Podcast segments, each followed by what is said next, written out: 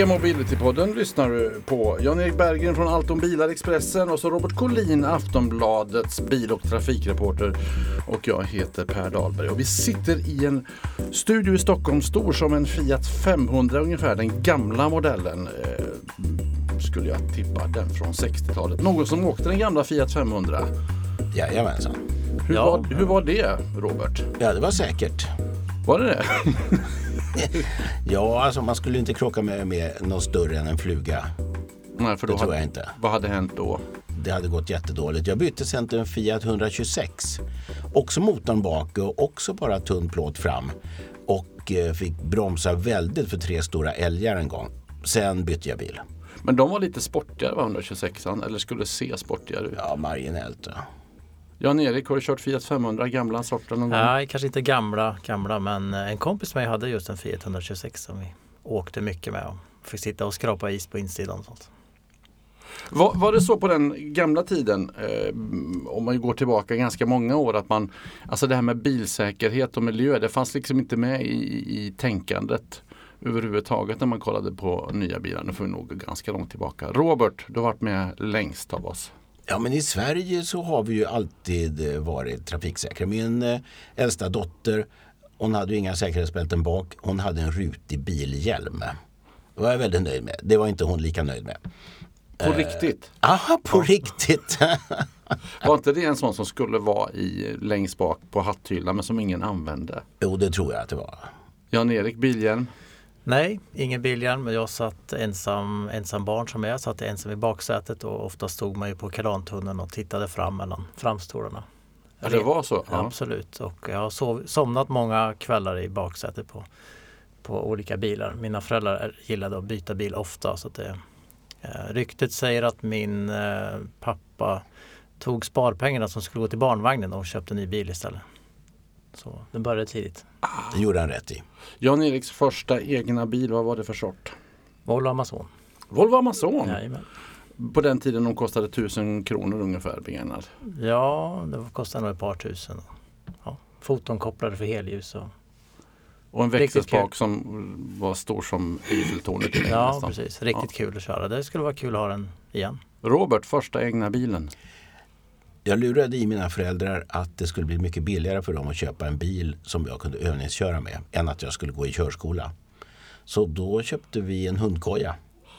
Oj, Ja, den var blå, hade två extra lysen. Jättefin, minsta sorten då, 850. ja. Och ni fick plats? Ja, Jag fick plats och, och mamma och pappa bredvid. Det gick bra.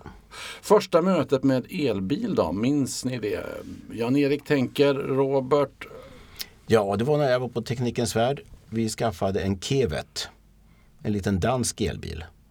Och jag eh, kan faktiskt... eh, Jag var, nöjd med att jag ordnade Stockholms första laddplats för elbilar.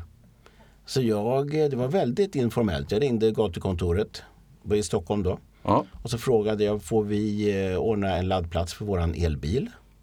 Utanför redaktionen. Ja, om ni har el. Ja, vi har el. Ja, det är lugnt. Så vi målade upp eh, en, eh, en parkeringsplats med en bil med, som det stack ut en sladd ur.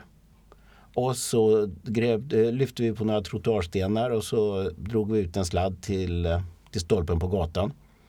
Och så hade vi våran elbilsplats som ingen rörde. Och det här var på ja, tidigt 90-tal. det var tidigt ändå du. Ja, det var nog eh, det var absolut Sveriges första parkeringsplats och laddplats för elbilar. Hur långt kunde man köra på Kevet? Jag bor i Norrtälje. Man kunde inte köra till Norrtälje. Så man fick köra mycket, mycket försiktigt och så fick man stanna på en bensinmack som fanns på den tiden en mil före Norrtälje. Så fick man stå där och ladda en timme. Så kom man hem. Men det här innebär ju att den här bilen då, den blev stående ganska ofta utanför redaktionen i den här speciella ladd-p-platsen, eller? Ja, alltså, I Stockholm gick det att köra runt med den. Och mina kollegor som inte bodde fullt så långt bort kunde köra hem med den. Men Norrtälje var djärvt. Det var, det var gränsen passerad. Ingen värme förstås. Det gick ju inte. Då kom man ju bara till Brottby. Jan-Erik, första elbilen. Första elbilen det var en tidig version av Mitsubishi IMIEV som det heter.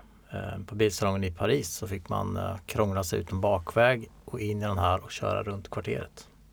För att de ville visa att de kunde, kunde bygga elbilar. Och hur var mm, din reaktion då? Minns du det? Alltså var du skeptisk till det eller var du positivt nyfiken? Ja, man var väl skeptisk till en början på grund av den här korta räckvidden. De gick ju inte speciellt långt.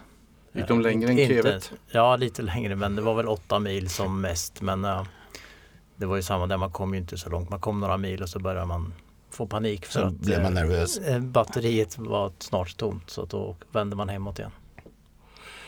Om vi jämför då och nu då, hur, hur märker ni skillnaden i, i attityden gentemot elbilar nu och mot när ni började Robert tidigt 90-tal och när var det du körde den Oj, först? det måste vara kanske varit 2010 en gång, Ja. 28. Skillnaden nu och då, Robert? Alltså då tittade ju bara på folk på elbilen och tyckte det var något jättekonstigt. Förstod ingenting. Eh, nu börjar ju elbilen synas en del i storstadsområdena. Och eh, man ser dem ju till och med pendla lite grann. Ibland blir man till och med omkörd av någon. Då tycker man att det där var en järven. Så att eh, ja, men det är klart de blir mer och mer accepterade. Och de som äger dem tycker ju att de är toppen. De som inte har köpt någon är ju mer tve- tveksamma. Är det så? Alltså det är första hånglet höll jag på att säga. Sen är man fast i elbil. Alltså när man har provkört en elbil och bestämt sig då, då är det det man vill köra. Ja, erfarenheter från Norge säger ju att de som har köpt en elbil kommer inte köpa någon annan bil sen utan då är man, då har man valt liksom och då är man fast där. Om man tycker om dem. Men de har ju också så mycket förmåner i Norge som inte vi har. De har elbilen är billig. En Tesla kostar som en Passat här. Eller ja, eller där. Och en Det- Volvo som en Tesla här. Ja, ungefär. visst. Eh, så får de ju åka i alla kollektivkörfält. De får åka gratis i alla tunnlar. Får åka gratis med alla färger. Får parkera mitt inne i Oslo. De har ju väldigt många fördelar, fördelar med att åka elbil som vi inte har i Sverige. Vad vad är det som gör att norrmännen har gjort det här medan danskarna till exempel inte har gjort det? Danska elbilsflottan är väl inte så stor va? Jag tror att norrmännen har väldigt dåligt samvete för att de har olja. Ja, de har också eh, ganska dålig luft i Oslo. Oslo ligger som en liten gryta. Så man hade ju tidigt problem med luftkvalitet. Så man bestämde sig tidigt att ja, elbilar är ett sätt att få bättre luft i, i Oslo. Robert, du eh, stack ut huvudet eh, enligt mina anteckningar i Råd och Rön eh, förra året och sa att att tro på elbilen är som att tro på Gud. Det är inte grundat på vetenskap. Tror att de blev eh, nermailade på Råd och Rön. Han är inte seriös. Jag har alltid tyckt att Råd och Rön är en seriös tidning. Collin är inte seriös. Hur kan ni släppa in honom? Varför detta uttalande? Vad, vad, vad, vad kom det ifrån? Mig? Ja, men vad var anledningen till det? Det är ju roligt tycker jag då, men vad var anledningen till, ehm, till det? Är, menar du att det är så att, att de som är, är att man kan bli frälst på, på elbilen, att det är mer en känsla än att det bygger på vetenskap? Ja, det är till och med mer en religion, tycker jag. För att eh, jag tycker inte att man, man tar inte ett riktigt helhetsgrepp på elbilen. Utan man, eh, man vill vara miljövänlig, man vill ha ren luft, man vill köra elbil. Men man har inte funderat på baksidan. Och baksidan är till exempel hur får man fram de här jordartsmetallerna till batterierna. Var gör man det någonstans? Var anrikar man den här kobolten till exempel? Eh, hur återvinner man batterierna? Alltså det finns ju inga bra svar på det. Alltså det, det, det mesta kobolten, eller väldigt mycket av kobolten i alla fall, kommer från gruvor i Kongo. Barnarbetare, väldigt dåliga förhållanden, dålig luft. De rasar ihop. Rasar de inte så dör gruvarbetarna ändå av dålig luft. Och så skickas den till Kina som har hela anrikningen. Vad betyder det monopolet eh, den dagen som Kina inte vill fortsätta med det här? Eh, och man, det, finns, det går att återvinna bilbatterier men det finns ingen ekonomi i det. Så just nu är det ungefär som när vi eh, skickar iväg våra datorer till Nigeria för att de ska destruera dem där och de lägger dem i en stor hög. Och vad händer med bilbatterierna sen när det börjar bli många? kommer kanske också hamna på den där högen. Jan-Erik, vad säger du? Är det en religion att vara elbilsentusiast? Ja, eh, de som äger en Tesla har i alla fall de, de eh, tendenserna kan märker vi om man skriver något om Tesla. Men eh, det skulle kanske inte gälla om man kör en Hyundai Kona eller en Kia e-Niro. Ehm, det är klart att de är övertygade på, på ett sätt att de har valt en, en annan typ av livsstil, en annat, ett annat beteende eftersom de har varit så här tidigt på den ny teknik. Nu kommer det ju fler elbilar i flera olika prisklasser så det mera vanliga människor så att säga som kommer att, som kommer att använda dem och köpa dem. Men är det inte en viss typ av människa då som är elbilskeptiker? De som vill höra motorn och som tycker om att Ja, tycker om att tanka var väldigt dumt sagt kanske. Men, men alltså, man, man vill ha den traditionella. Man är, man är lite konservativ och då försöker man också hitta det här som man blir nästan glad när man hittar det här med kobolt och, och barnarbete. Ja. ja. men det finns ju alltid ett, en, en, annan sida. Vi har ju ett svenskt eh, företag som ska bygga en fabrik i Skellefteå för eh, battericelltillverkning. Man får skilja på att tillverka battericeller och själva batterierna. Själva batteripaketen kommer ju biltillverkarna fortsätta att bygga själva. Men man köper celler från olika företag och det kommer att byggas många nya fabriker i Tyskland, Polen, runt om i Europa för man vill minska det beroendet ifrån Kina. Ehm, jag träffade ingenjörer från BMW förra veckan som berättade deras planer på hur de ska kunna försörja ehm, batteribilar då med eh, celler från Europa. Så det är man fullt medveten om. Och, en stor del i ehm, tillverkningen i Skellefteå kommer att vara just återvinning av batterier och även återvinning av energi som som går åt eller som kommer fram i värme framförallt när man, när man gör de här cellerna. Man ska kunna stänga ett värmeverk i Skellefteå för att det kommer så mycket värme från batterifabriken.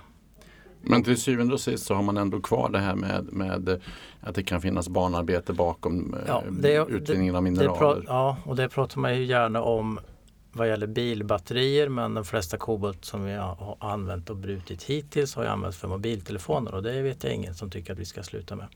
Men äm, även här så pressas det på mot biltillverkarna som, som eh, kommer att försöka försäkra oss om att det är, det är rätt äh, gjort från början.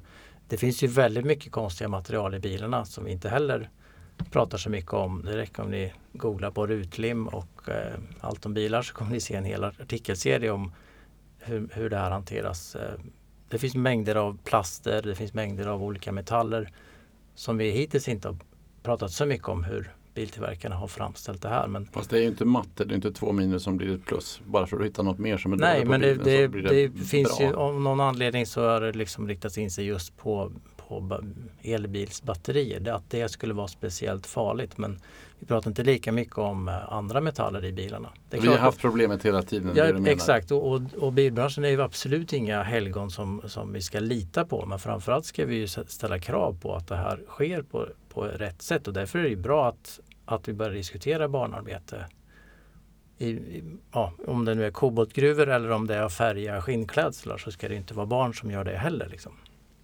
Robert, vad säger du? Är du, är nu, du elbilskeptiker? Nu, nu är det här radio, så ja. nu ser inte ni att jag håller upp min mobiltelefon här som Jan-Erik pratade om. Eh, men ni kan ju gissa ungefär hur stort det batteriet är jämfört med det som väger 300 kilo som i en Tesla.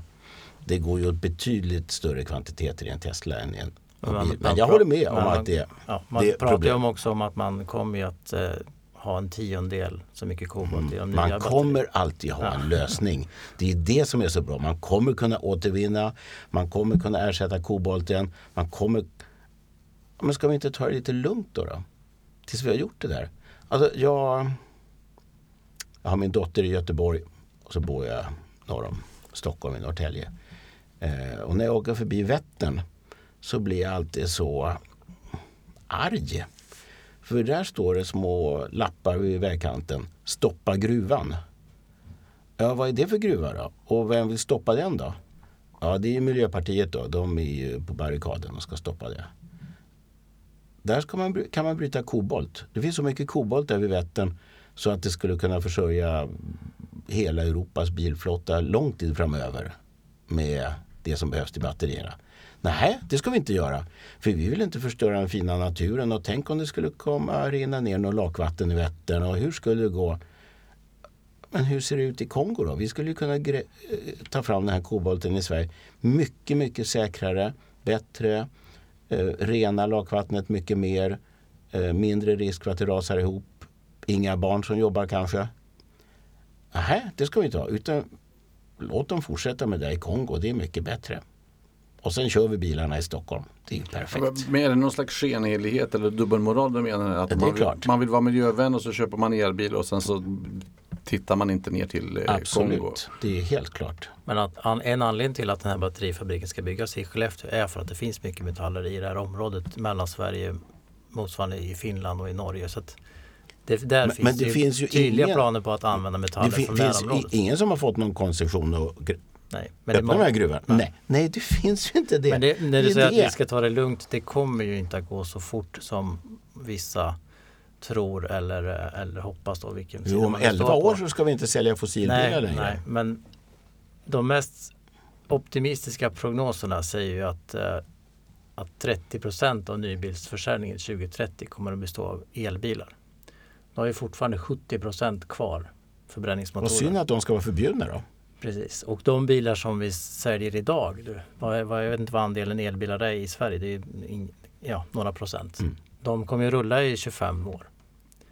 Så att det är klart att vi kommer att ha bensin och dieselbilar i många, många år framöver. Självklart. Är du orolig för att eh, de fossildrivna eh, fordonen kommer att försvinna för, för snart? Nej, för de kommer inte göra det. Därför att den dagen de försvinner, då finns det en lösning. Och då är jag lika glad som vem som helst. Men tills den där lösningen finns så måste vi ju acceptera att vi, vi, vi kan inte vara utan de här bensinmotorerna, dieselmotorerna. Däremot så kan man ju jobba som, som vi gör väldigt mycket i Sverige också med att hitta biobränslen för att tanka bensinbilar och dieselbilar. Prem blandar redan idag in 30 procent ungefär skogsråvara.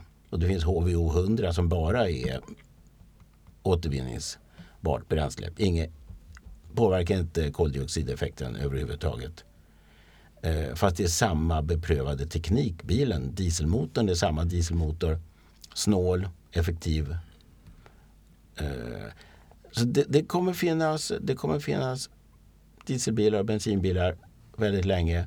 Det är synd att Volvo inte ska fortsätta utveckla dieselbilar för jag förstår inte hur de ska klara sig då när alla andra gör det.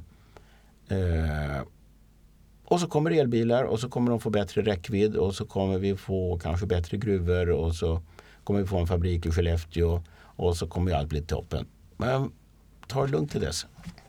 Ta det lugnt säger Robert. Jan-Erik, håller du med?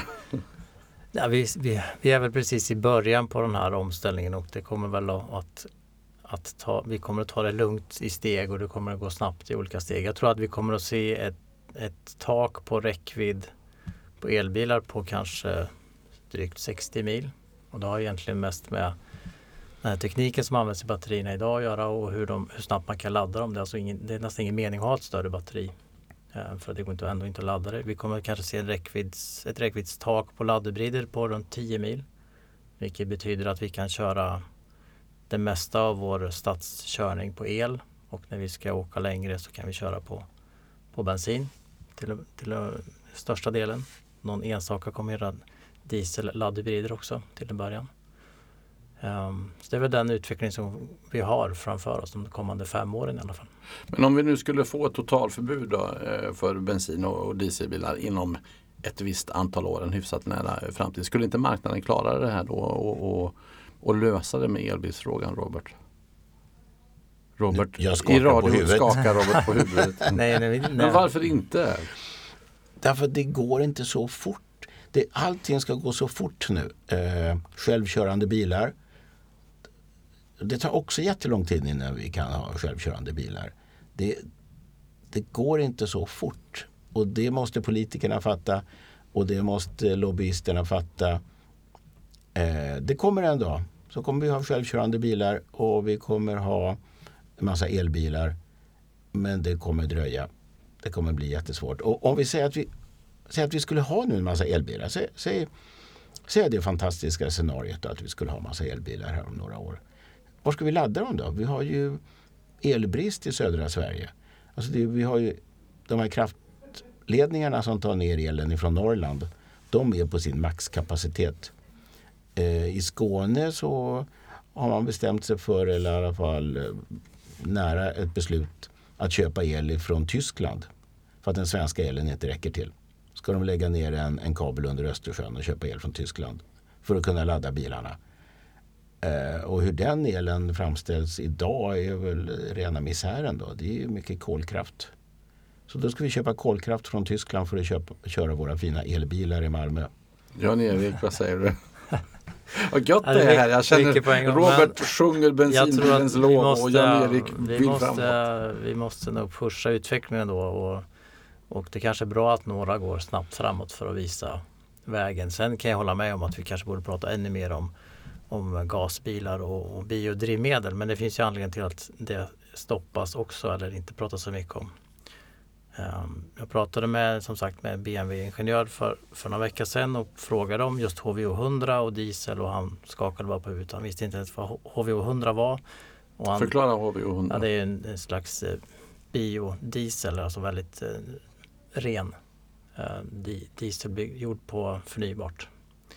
Men det funkar i en vanlig dieselmotor. Gamla kossor och sånt? Eh, ja, precis. Ja. Men ehm, han, han sa att dieselmotorn är körd. Och det har inte så mycket för att den skulle vara tekniskt sämre eller att bränslet skulle vara sämre utan det, opinionen har bestämt sig.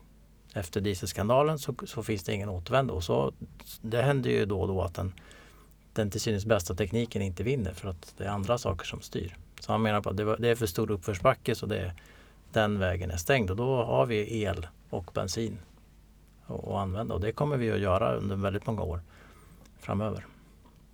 Så mm, där någonstans ger det någon och, slags befog för att Volvo inte fortsätter utveckla sina dieselmotorer? Ja, de blir för dyra helt enkelt och BMW kommer att, att ta bort en stor del, de ska halvera sitt utbud av motorer och ta bort flera dieselmotorer. De kommer inte att sätta dieselmotorer i små bilar till exempel för det, det blir för dyrt. Um, vad gäller elförsörjning så har jag pratat med infrastrukturministern som försäkrade om att el, elproduktionen i Sverige är inga problem.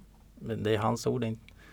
Får vi se om han, om han har rätt eller fel. Däremot såg han ett problem med, med um, nät, kraftnätet, alltså distributionen av el som behöver förstärkas för att vi ska kunna ladda fler elbilar på fler ställen. Och så väldigt, elen finns men den ska nå fram till kunderna? Ja, och ja. Han, han är väldigt mån om att det ska gå att ladda en elbil överallt i hela Sverige. Att inte det här ska bli någon slags storstadsfenomen utan det ska gå lika bra överallt i hela landet. Men Robert är skeptisk. Men som någon också har sagt, de har ju, de har, på tal om glesbygd, man har ju lagt ner många bensinmackar men har fortfarande inte stängt det sista eluttaget. Så el finns det på betydligt fler ställen än det finns diesel. Ja, det är ju tur eftersom man måste stanna och ladda den där elbilen hela tiden. Medan om man kan köpa diesel så kommer man ju 100 mil. Och där, där tror jag vi kommer att tvingas se en beteendeförändring. Det här att vi kan, um, vi kan vakna mitt i natten, ta vår dieselbil och köra 100 mil. Alltså det, det kommer vara en stor omställning. För det, som jag sa, det kommer vara en räckvidd, ett räckviddstak på kanske 60, drygt 60 mil på el. Och den funkar ju inte, det är inte 60 mil i jämn hög fart som det är med en diesel. Men kan man inte tänka sig någon form 100 mil ganska, även om du kör ganska snabbt så funkar det inte med en elbil. Kan vi inte gå tillbaka till det gamla ponnyexpress-systemet? Man, man tar sin ponny till nästa, mm, vad det nu är, salon och där får man en ny. Och att det ja. även så för ja. Eller byta batteripaket som ju det finns uh, ett företag i Kina som gör. Man bygger stationer när man kör in med sin bil och byter batteripaket och kör vidare. Så det, det, kommer ju att dyka upp nya, nya lösningar på, på de här problemen. Hörrni, vi pratar eh, kilometerskatt. Du och jag satt och pratade tidigare om den gamla dieselskatten. Någon som hade en mätare och så körde man dieselbil så fick man betala efter hur långt man hade kört. Eh, om, om det nu är så då, vi säger om Robert. Eh, fossildrivna bilar försvinner, bensin och, och, diesel, där vi betalar en rejäl summa i skatt. Ska vi börja ta ut eh, skatt även på elektriciteten på något sätt när det används eh, eh för fordon? Ja, jag, jag um, har ju sagt tidigare att idag är betalningsviljan när vi köper bensin eller diesel någonstans eh, 10 kronor mil per mil. Då, då har vi liksom vant oss vid att betala. Kör vi på el så är vi väl nere på 3 kanske. Om vi, beroende på var vi, var vi tankar elen. Men jag tror ju att någon kommer att ta hand om den här skillnaden. Jag tror inte att det kommer att vara så billigt att köra på el som det är idag. Någon kommer att se till att de här 7-8 kronorna som det skiljer landar någon annanstans än, än i min plånbok. Nu kan man säga att biltillverkarna tar de pengarna för att elbilen är så pass dyr. Men det är ju en övergående sak. Det är ju borta om tre år. Och vad skulle ni föredra? En skatt på el eller, eller trängselskatter om man ska åka någonstans i, i Sverige? Vad säger du Robert? Har du tänkt på detta? Det är klart att jag har tänkt på detta. Och eh, staten får ju en ohyggligt mycket pengar på att vi kör bensin och diesel. Det kommer in hur mycket pengar som helst. Och ska alla börja köra el och tanka den hemma och betala som eh, när man tittar på tv eller värma huset eller så.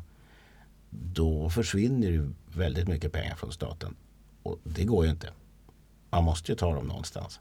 Vad tror du att eh, staten kommer att hitta de här pengarna? I elbilen.